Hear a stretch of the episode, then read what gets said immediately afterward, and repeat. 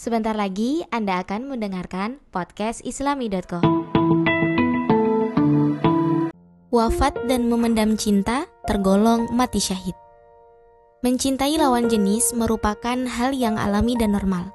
Agama pun mengaturnya dengan cara menikah bagi yang sudah memenuhi kriteria. Namun, mereka yang belum mampu menikah, Nabi menganjurkan menikah. Di sisi lain, lelaki atau perempuan yang sedang mencintai orang lain namun belum waktunya menikah, dianjurkan untuk memendam sementara perasaannya. Bahkan, jika sampai meninggal, orang itu dikategorikan sebagai mati syahid.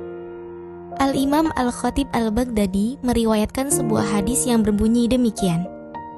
Man ashiko fa'affa fakatama famata mata syahidan. Orang yang merindu namun mengekang diri dan menyembunyikan rasa cinta dan rindunya itu tergolong sebagai mati syahid. Artinya, hadis di atas menjelaskan mengenai pengorbanan seorang pemuda atau pemudi yang berusaha menjaga kesucian cintanya dengan tidak bermaksiat dan mengumbar rasa cintanya pada orang yang dicintai. Karena ia merasa belum mampu atau belum waktunya menikah. Orang yang memendam rasa cinta seperti di atas, kemudian dia merasakan beban batin hingga meninggal, maka ia tergolong sebagai orang yang mati syahid.